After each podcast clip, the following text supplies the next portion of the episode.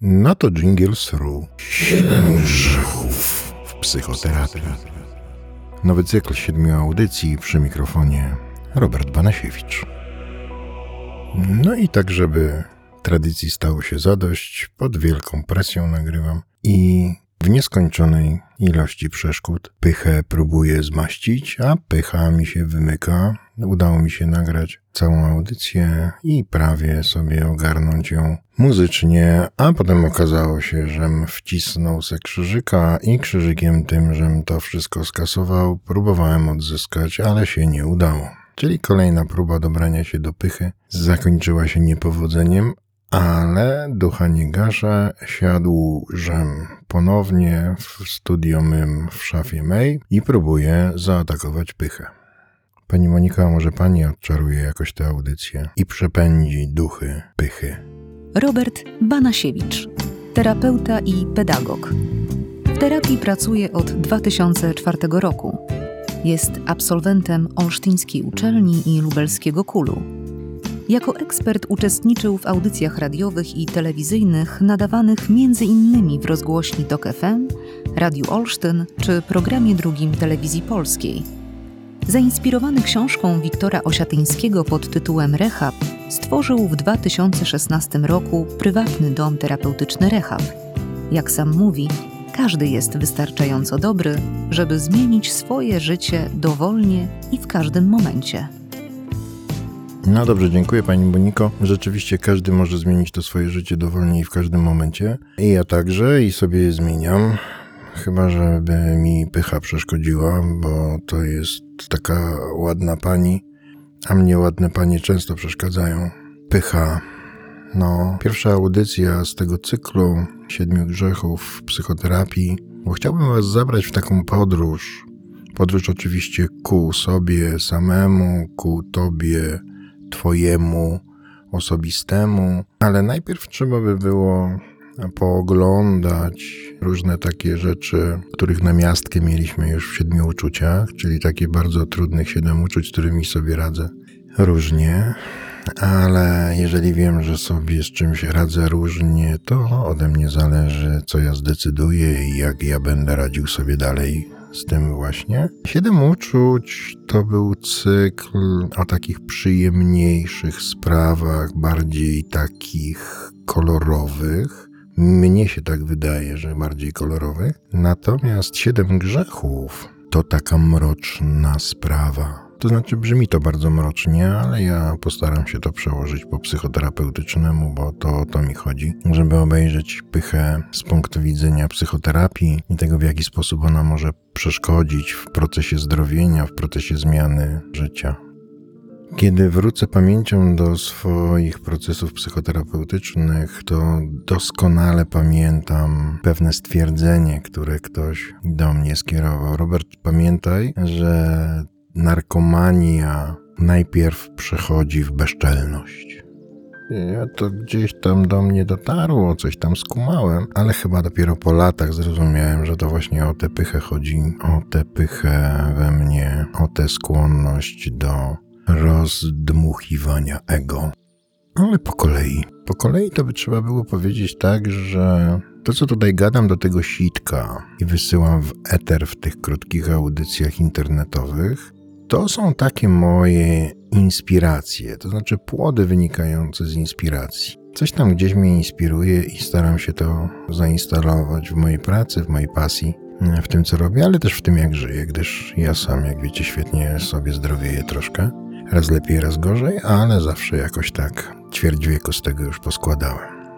Ta inspiracja dotycząca siedmiu grzechów to wprost zapożyczenie od panów Gintrowskiego, Łapińskiego i Kaczmarskiego z płyty Wojna postu z karnawałem. Jest tam taki utwór Siedem grzechów głównych. Jest jeszcze też taki obraz pana Hieronima Boscha dotyczący siedmiu grzechów. On też mi gdzieś tam utkwił w głowie, bo ja mam taką dysfunkcję, że mnie zostają różne rzeczy, ważne treści zawsze w obrazach.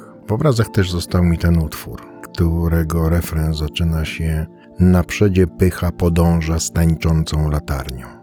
No i ja sobie zrobiłem z tego obraz pięknej pani, która rozświetla drogę w radosnym pochodzie, pięknie ubrana, pięknie wyglądająca, rozświetla latarnią tę drogę i prowadzi inne na użytek tej audycji grzechy, ale na użytek psychoterapeutyczny to będą obsesje. Tak, to moje skłonności do komplikowania sobie życia, to obsesyjno-kompulsywne zachowania, to obsesyjno-kompulsywne sposoby myślenia, schematy reagowania. To cała ta menażeria, którą od 25 lat staram się trzymać na łańcuchach.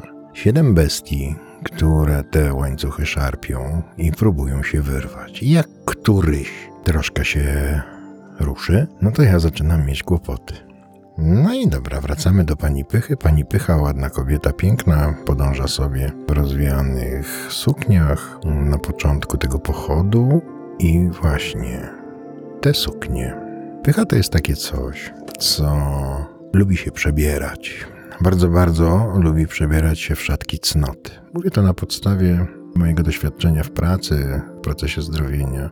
Mówię to także na podstawie ostatnich wydarzeń, które obserwujemy na świecie, ale mówię to także w świetle ludzkich losów, z którymi przecież obcuję ciągle przy okazji tak zwanych planów na wyjście, czyli takich prac końcowych, które ci ludzie przedstawiają w grupie tuż przed wyjściem. Tam zawsze w tych planach jest ładnie. Czyli wrócę do domu, mam wiadomo, początki, przywitam się i zacznę kontynuować zdrowienie. Czyli będę chodził na grupy, będę dzwonił, będę się zbliżał z moją rodziną, będę nawiązywał relacje, będę je pogłębiał, będę robił generalnie dobro. Natomiast kiedy się temu przyjrzymy, co się pod tym kryje? To pod tym kryją się takie słowa, które ja ostatnio też usłyszałem, gdy ktoś do mnie zadzwonił i na pytanie, co u ciebie dobrego, odpowiedział: Wiesz, nic, bo gdyby było coś dobrego, to bym do ciebie nie dzwonił. No i wtedy poczułem trochę zawodu, trochę smutku, trochę też rozczarowania.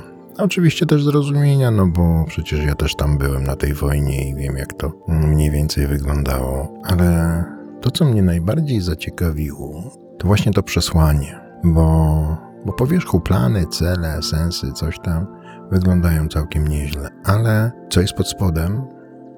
Ano pod spodem jest to. Zadzwonię, kiedy będę w potrzebie. Pójdę na grupy, gdy będę potrzebował. Znajdę sponsora, sponsorkę, kiedy już nie będę miał innego wyjścia. Tak często przecież słyszę od ludzi, wiesz, to dzwonienie takie codzienne, to takie głupie jakieś jest. To mnie męczy, to mnie krępuje, to chyba mi nic nie daje. Chodzę na te grupy, Wiesz, oni tam są tacy bardzo smutni ciągle, tacy jacyś zgaszeni. Oni są wszyscy dużo starsi ode mnie, albo nie, albo oni są bardziej narkomańscy niż ja, albo bardziej alkoholiczni, albo jeszcze bardziej współuzależnieni, albo jeszcze bardziej dorosłe dzieci z domów dysfunkcyjnych. I to, co pobrzmiewa zawsze z takiego gadania, to tak jak byłem odkurzaczem nastawionym na ssanie, gdy ćpałem, piłem, robiłem sobie krzywdę, tak i teraz, kiedy ustawiam się ku zdrowieniu, to nie wyłączyłem tej opcji ssania. W tak wiele miejsc idę, żeby brać. Idę uzupełniać zasoby, moje własne zasoby uzupełniać. Kiedy czuję, że grupa mi coś dała, że meeting był dobry, ano wtedy, gdy działo się. Jak się dzieje, to było dobrze, jak poczułem ten haj, jak poczułem to wejście, tak, to było dobre. A przecież czy to o to chodzi? Od 25 lat chodzę na grupy i spotykam ludzi. W wielu miejscach przecież byłem kilkaset razy i widziałem tych samych ludzi w, ubranych w te same kurtki. I kiedy wchodzę w drzwi sali meetingowej, to przede mną pycha podąża z tańczącą latarnią i oświetla mi drogę i mówi: Ej, zobacz ty, on znowu w tym swetrze. O kuźwa, wiesz, będzie gadał znowu, przecież wiem co powie. Kurczę, a może ja mam coś ważnego do zrobienia właśnie w chacie. Może się zawinę w drzwiach, powiem, słuchajcie, fajnie przyszedłem się z wami przywitać, ale muszę pędzić, bo mam tak wiele ważnych spraw do załatwienia, właściwie to chyba zostawiłem żelazko. I kiedy siadam przy stole, no to muszę wcisnąć hamulec. Mojej pysze muszę wcisnąć hamulec, bo inaczej to mnie zeżre. Muszę zrozumieć, co ja tam przyniosłem, jaki podarunek ja kładę na tym stole. Czy ja kładę jakiś podarunek na stole? Czy to jest tak, że ja ciągle ładuję te walizy, te plecaki, te torbulce, wypakowuję je dobrami wszelakimi, które dostaję od ludzi, którzy dają mi je, te dary gestem szerokim i konsumuję, gdyż ciągle jestem konsumentem. To się nawet, to nawet koreluje z tą pychą, bo pycha, jak powiedziałem, ma zdolności przebierańcze i przebiera się w szatki cnoty, ale też brzmieniowo się przebiera, bo coś jest pycha, że jest pycha i taka jest pycha, i coś jest pycha, że jest pycha, że jest mniam. Coś jest pyszne, że jest mniam i coś jest pyszne, że jest obrzydliwe. To jest pycha. To jest skubana, która potrafi się przydzierzgnąć, co i róż, jak jej pasuje. Co na drugiej stronie, co na drugiej szali tegoż no niestety pycha ma moc wielką, więc sama pokora nie wystarczy. No bo oczywiście jak pycha, no to po drugiej stronie pokora przychodzi sama do głowy. Ale przecież, jak powiedziałem, nie wystarczy, bo potrzebuje odpowiedzialności. Odpowiedzialność to najmłodsza z sióstr. Ta piękniejsza siostra pycha, ta brzydsza pokora i ta najmłodsza siostrzyczka skacząca sobie tak e, w klasy na asfalcie odpowiedzialność. Ta siostra pokora trzyma ją za rękę i pomaga jej przeskakiwać coraz to inne pole. I razem, ręka w rękę, balansują, jakoś bilansują oddziaływania pychy. No i całe szczęście, bo inaczej to pewnie bym przepadł ja, i przepadłyby szwadrony różnych innych ludzi, którzy mierzą się na drodze ku dobru, ku nowemu, ku sobie. Uruchamiając pokorę i odpowiedzialność, jak to zrobić? Ano, ano trzeba robić. Nie, trzeba robić. Różne takie pokorotwórcze i pokorogenne zachowania, czyli tam w 24 godzinach jest takie, zrobię coś dla kogoś i mu o tym nie powiem, albo zrobię dwie rzeczy, na które zwykle nie mam ochoty. Nie? Na przykład umyję się, albo wstanę w ogóle z łóżka. Nie, to są takie często rzeczy, na które nie mam ochoty, których po prostu, oh my god, nie będę robił. Dobrze jest też czasem, jakby kontynuując e, poprzedni w środek, pomilczeć, czyli przemilczeć jakieś tam rzeczy, które mi się cisną na jęzor, bo oczywiście mnie wolno powiedzieć, gdyż ja jestem Bogiem, a Bogu wolno. To jest największy objaw pychy. Kiedy jestem Bogiem, to gardzę wszystkim, co dobre. Gardzę prorokami, gardzę pomocnikami, gardzę wskazówkami, gardzę też drogowskazami. Nie ma dla mnie świętości, nie ma systemów wartości. No przecież ja je tworzę, ja je tworzę tak jak mi pasuje, one są różne gumowe i takie e, plastyczne, jak mi są potrzebne w danej chwili, w danym momencie. I jestem cholernie samotny, ja jako Bóg jestem samotny. Chodzę se po tym moim rajopodobnym tworze i z tej samotności omal się nie zesram, bo samotność jest straszna. Boska samotność jest straszna. Wielokrotnie w niej byłem i wiem dobrze, jak trudno potem zleść z tego piedestału, bo pycha mówi ciągle, że no co ty będziesz to robił, to co ty? Pójdziesz na meeting, a po co? Nie masz nic innego do roboty po tylu latach, no weź przestań, ty już jesteś zdrowy. W ogóle daj sobie spokój. I cię połóż. Pycha.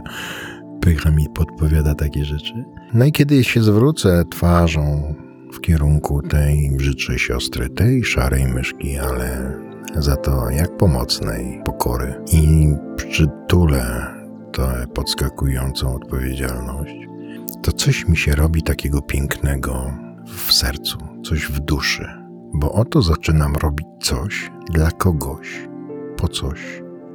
Nie jakby powiedzieli chrześcijanie, katolicy czy inni tam głęboko wierzący ludzie, na chwałę Pana. Pana miłość.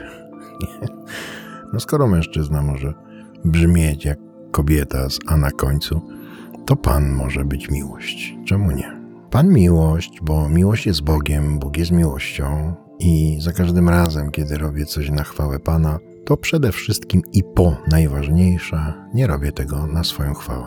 Czyli troszeczkę przycinam moje ego i moją pychę i rozdęte takie poczucie boskości i zajebistości własnej osoby. Myślę, że dziękuję losowi sytuacji i temu, że się nie zapisała tamta audycja, bo mogłem sobie po raz drugi do tego przysiąść i poszukać tego, co mi w sercu gra naprawdę, i się okazało, że to jest jakoś takie kompatybilne z tym, co było wcześniej.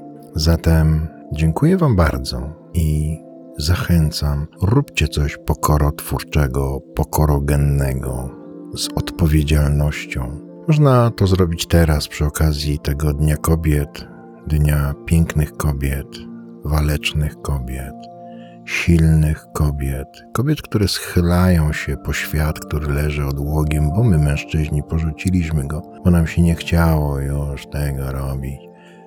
A one, idąc i patrząc na ten biedny, zapłakany i zasmarkany, siedzący na krawężniku świat, pomyślały: Ej, chodź z nami, obetrę ci tę buźkę i może dam ci coś do zjedzenia. Dzięki nim ten świat w ogóle funkcjonuje jako tako się jeszcze trzyma.